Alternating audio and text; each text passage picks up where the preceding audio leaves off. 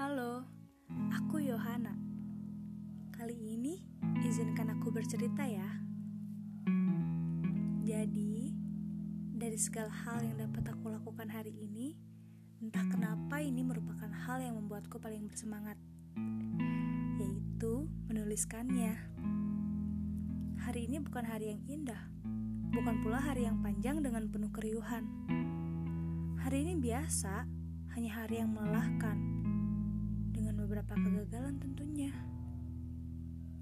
Gak apa-apa lah, ini kan bukti bahwa manusia merencanakan dan Tuhan yang memutuskan. Tidak ada yang spesial dengan hari ini, hanya hari lain yang penuh beban pikiran. Lalu ada dia sebagai pengalihan. Lelaki ini telah mahir menyembunyikan getir di balik senyuman.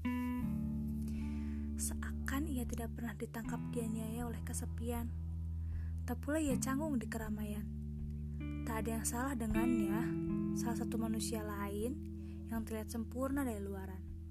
Tapi ternyata tercabik-cabik dengan apa yang dunia tawarkan. Huh, entah sejak kapan aku mulai menunggu pesan-pesannya. Yang kukira hanya tinggal beberapa harian, nyatanya malah menjadi peneman dalam segala resah yang ada. Atau ini karena ulahku saja yang meminta ia agar tak ke mana. Setiap canda yang aku dan ia bagi, setiap tawa yang hanya aku dan ia mengerti, bahkan setiap cerita duka yang hanya aku dan ia dalami, selalu dirinya yang aku harap tetap di sini.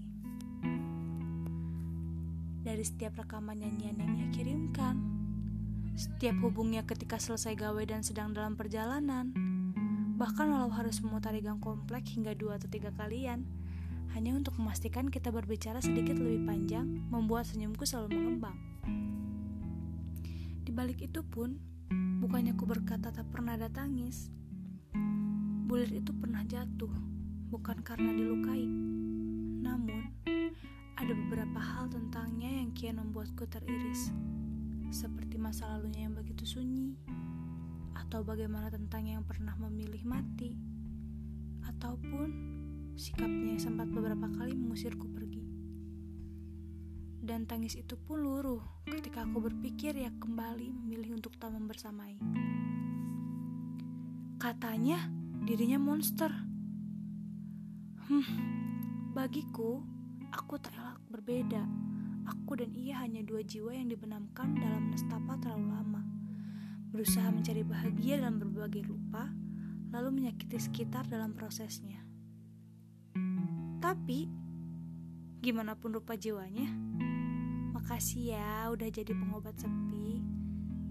Dari segala beban yang kulalui, makasih juga udah menjadi distraksi.